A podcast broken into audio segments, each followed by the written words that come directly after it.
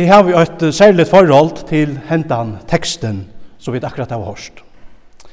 For uh, 22 år så gjerne var det nemlig en tur i Israel sammen med noen gavon ved mannen. Vi tverra oss det var jo om, og sylte om et eller annet vi bakte av Gneseret vattnet. Man kunne løye bakte der. Så vi får en tur. Ute av vattnet leser jeg oss i bøypene om just disse hendingsene. Det er nekka helt særligt at lesa og høyre om de bibelske hendingene, da man er stator just her som hessar hendingene fører fram. Stator i baten kunne jeg Øystein Pøyke ut av vattnet og sier, ja, her ångstene var det at Jesus gikk. Og etter at en avvist stavur, etla et avvist vatten, vil knytt at de bibelske frasøkene, til Øystein vidt at understryka fyrir jokkom, er frasøknar eru færna fram og i hesson heimenon. Det er ikkje eit eventyr. Nei, talan er om eit veriligt ondur. Jesus han gikk etter vattnet, og det gjør det Petter øysene enn av lytla løyta. Ta jeg i det leser enda teksten, så vil jeg og i hoanon, sånn tidsen atter til taferina, jeg sjølver sett i en bate her ute av Gneset vattnet. Og jeg husker at vi det, kunne gjøre just hetta. Og i hoanon, jeg sett dere i baten sammen vi Petre og lærersvennen, færre ut av vattnet, og røyna å sette dere inn i det som her vil boa for tøymon og for jokkon. Det som vi fyrst og fremst suttja i dagsens tekste, det er hekta at Jesus han nøytte lærersvennerne, å færre i baten og fer undan honom iver om vattnet. Til at han måtte nøya lærersvennerne, det innebär sjåan til østen at han ikke vil då færa fra ham. Hvor nøytti han tar så at færa sted, kunne spyrja. Jo, etter ötlun av døma kom seg til av tøy, så var hent point åren, nemlig hitt ståra mættundre. Jesus han er i mekta 5.000 menn, omframt konor, og bøtten vi fem breion og tveimon fiskon. Og da fæltje så hette her ståra undre, så atla av dei, som det stend skriva, at hekka kan vi valde, til tess at gjer han til kong. Jesus visste at fæltje heie øyna messias vevn. Det vevna av at den kommande messias skulle være ein sterskur politiskur løyere, som skulle bjerga uh, altså, jødnån og til jødiska felskjennom undan til romverska hersettingarvaldnum. Tu vildi dei òsne gjerra Jesus til kong. Og til òsne hoksandi at lærersvennanir hava veri hotikner av uh, hese tankagongene. Og at Jesus tui måtte nøya tør a færa sted vi batna. Så at han kunde visa tøymon hver han i grunden er. Og så at han kunde til, tilbya og gjotta han som ta kong og han velja er. Han hei nekka at vysa dem. Vi er genka etter vattnen, viste Jesus nemlig Petre og læresvennen at han hei godomlige nått og at hans herre herradøme ikkje er av hese ver. Anke er omøvligt tja gode. Han valdar iver notturene som han sjálfur hever skapa. En da samme godomlige måtten synte Jesus læresvønnen ta en tjekk etter vattenen. Og tog jotta i pjatter og læresvønnene, og at enda, så, så er så vidt av hørst, sannelig er du soner gods, sier du. Sannelig er du soner gods. Og etter høysen til så vidt jotta tar vi sier, troer jottanene sammen. Vi trykker av Jesus Krist, hos øynbarnas son var han herre. Og om vi velja trykva hesson, som vi gjotta, så vita vi døysene at han kan hjelpe okkom. Lykka som han døysene hjelpte lærersvennon og hinnon søkkande Petre uti av Gneset vattnet. Jesus han er akkurat han samme i det som han var ta av døven. Han er akkurat han samme måten i det som han heier ta. Og tog kunne to og jeg øyne lytte fullt og fast da, at han er vi okkon og i okkara løyve. Øysene ta det gjerst trobult og det større og altenar av løfses heve bråta nyer i okkon. Øysene tar kom vi løyta av at han kommer gengante til okkon og sier Heve godt rest, øktest ikkje, er er vidikkon. Og just hekta at Jesus er vi okkon, hever avgjerande tutning og i okkara løyve. Det hever alt a sia om ein hever han og i løyven eller ikkje. Etla som det stendt skriva i nærestanes, tan som hever sonen, hever løyve. Tan som ikkje hever sonen, tan som ikkje hever gods son, hever ikkje løyve. Så om du enn ikkje hever han i løyven om du enn ikkje hever seg hver Jesus verlig er, så kan du gjøre lykka som Petter. Man kan bia til Jesus, høyta og han. Eller gjøre hans herre bøn til sin egna bøn. Og sia og bia, Herre, er det to, så bi meg koma til tøyn. Og til hesa hjertas bøn finnes bare åkt svær fra Jesus. Og til det samme svære som han øsne gav Petre, ta han bæ til hans herre. Jesus sier, kom, kom til min. Og da han sier sitt kom vi te og med, ta er det hekta øyne på, som vi kunne løyta fullt og fast av. Lykka som Petter øyne løyt fullt og fast av hekta øyne året av Jesu munne. Da han støy ut ur batnen og gikk med Jesu. Kosta hva det kosta vil. Vi kunne løyta av Jesu innbjøringene, vi kunne løyta av Jesu innbjøring, da han sier vi okkon kom. Og vi hans er innbjøving kunne vi døysene støye ut av hans er lyfter. Vi døya nekve lyfter i Guds åre.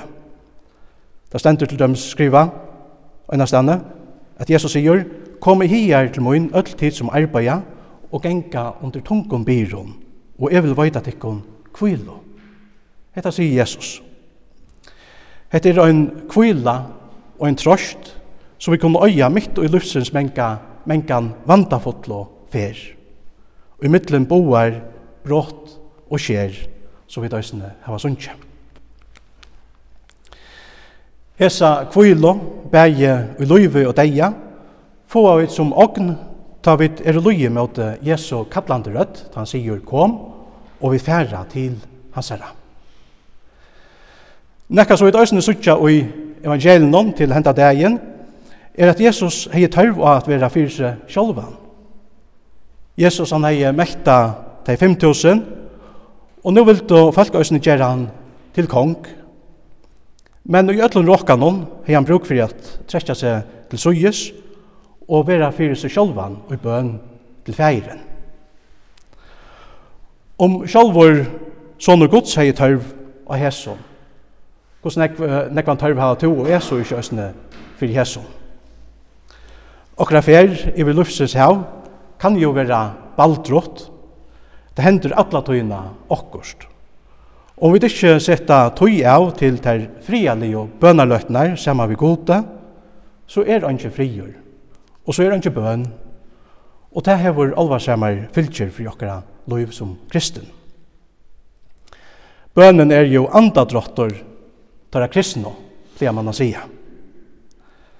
Om vi ikkje bia, så kvelast vi spekliga. I dagsens tekst viser Jesus okkon bønarvegin, kan vi kalla det. Da han sier, uh, eller tar vi lesa, og tar han hei lærte bø, uh, manna mykkunar færa, før han fyrir seg sjálfan, nian av fjallet, at halda bøn. Henta dagen var fjallet løgnekamere tja Jesse. Og sted, her han kom til å være ønsamhandler, og i øyninge saman man vi gode i bøn. Hetta var eisen det som Jesus sjálfur hei lært lærersveinane a gjerra. Og hetta var eisen det som han lærer te og me a gjerra. Tja Matteus er stendt til dømes at Jesus sier Men to, ta jo to heldig bøn, ta fer innar i kamertukt og lett atter hortøyna og bi til feirtøyn som er i landon. Og feirtøyn som ser i landon skal gjalda der.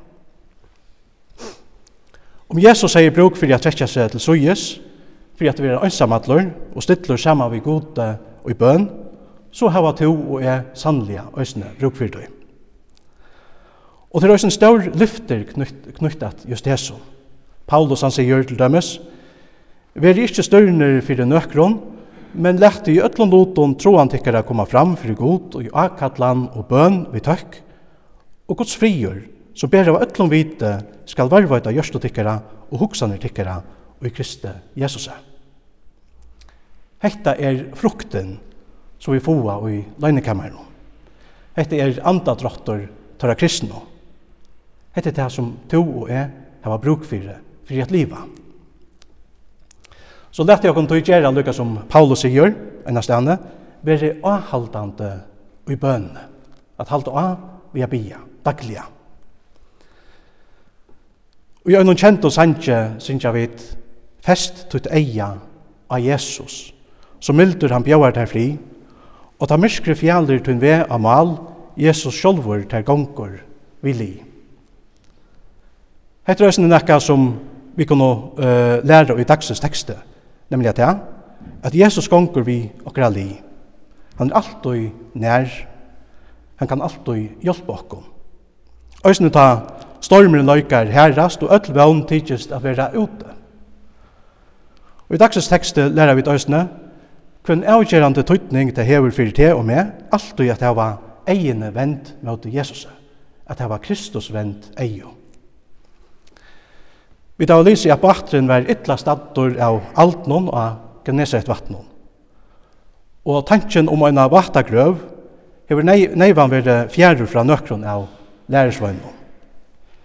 Men mitt i tørra nei, medan alt nær kasta vatten aftur og fram, så kommer Jesus gengande til tørra etter vattnet. Rastla kom sjálvan til atar, til at han helt og at dette var spøkelse. Men mitt i tørra nei, og rastlo, talar Jesus til tørra og sier, er godt trest, til jeg, øktest ikkje». Jesu nærværa brøtt i alt, fyrir tørra neistat og lærersvennerne. Da er og tar eio av Jesus, og hørt og hans er kallande rødt, bør der fylte vi vevn og dirve mitt i hans nir illveksen om. Heit sin ta sama vevnen, og ta sama dirve som Jesus bjør her og mer og i det. Hevast, ta kjennes som om at du må strujas pura ønsamatler, så er du korsen i omkantøy ønsamatler som en kristen. Herren er tjatær. Etla så vidt av sunnkje, to erst min hjelp av lufsins løy, og æra hjelp mer tørvar løy. Kan av folk med sækka ta, all gau god min er mer tja. Til øyna skuds nærvera og i okra løyve, som kan, som kan bjerga okkon og i lufsins illvekre. Øyna skuds nærvera rekker øktan bostor, og gjør okkum i stegen vøvn og dyrve bæge og i løyve og i deia. Etla så vidt har hørst i lesen noen, tar i vøvna av herran, få kraft av nudjon, og hevja seg som av ernar vantjon, tar renna og ikkje muast, og genga og ikkje maktast. Hetta var just det som Petter opplevde ute av Gneset vattnet. Lykka som hinner lærersvennerne, er Petter øysene bensje fyrir at han fyrir at dodja i hesson illvekkno. Men ta i han feste sitt eia av Jesus, fylltist han vi vevn mitt ui hesson neiene. Det var bare Jesus som kunne bjerke honom. Og tog råpar han øysene av Jesus og sier, Herre, er det to, så be meg koma til tøyn etter vattnet. Jesus han sier, kom. Og så er han i hente av størst ondur, som vi øyne pleier å om. Petter ut av vattnet gikk, ta han sa av Jesus. Og lykka som ta, henta under øyne i det, hverja fyrir menneske festa tørra eio av Jesus. Det er jo at vi at festa okra eio av Jesus, at vi vera bjergeie, at vi vera frelst. Fest ut eia av Jesus, hans eia er vent med åtet her, vi er nok lavur, sintun at stryka er henne Jesus av Golgata bær. Hette lukka som vi koppararmnon og i øyemørsene. Ísraels folk var å deia sjuk vekna øyderarmanar som biter deg. Men god han gjør det en frelse ved. Moses han skulle gjøre en koppararm og sette han oppa en stong. Og öll det som hukte på koppararmen, hilt og løyve. Så er det også vi Jesus. Etter som Jesus sier vi fariseeren, Nikodemus. Og en som, en som Moses hevja i opp armen i øyemørsene, så la oss øye menneskesåneren at være opphevet i år. til tess at øyne og hver som tror skal hava evigt liv i hånden. Så vi vera frelst, vi har tidsjo på Jesus. Vi vera frelst, vi har rett okra taumo, og måttleis og hentur ut til hansera, og i okra nei, okra sinta nei, og i bøn om hjelp. Og ta til lukka som hinn sekkande Petur råpar, Herre, bjerga mer. Så kan stå æstene løyta fullt og fasta at Jesus han rette til her sinna frelsand i hånd. Lukka som han rette Petur sinna frelsand i hånd. Høyt så med, og nei er deg, jeg skal bjerga til her, og du skal lova mer, sier Salmaskalte. Og just hekta gjørtes til en livande verilag av Petre, så nottene ute av Genesaret vattnet. Og hette hever et avtal av menneskene øyne kunne asanna lykka sujane. Nemlig at ja, at det er frelsa og at festa sin eio av Jesus. At ratta sinne hendur ut til hans herra og i bøn om hjelp. Jeg byrja jo å sija at jeg har jo særlig forhold til dagsens tekst. Kanskje kjemst det her òsne av tar i årsøk, at jeg i min egna løyve ofte har kjent meg som hin fadsona og søkkande Petur. Og det kan være at to øsne hever haft det såleis, eller ganske hevet det såleis, og i hese løkta. Jesus er korsene ta samme i det, som han vil ta.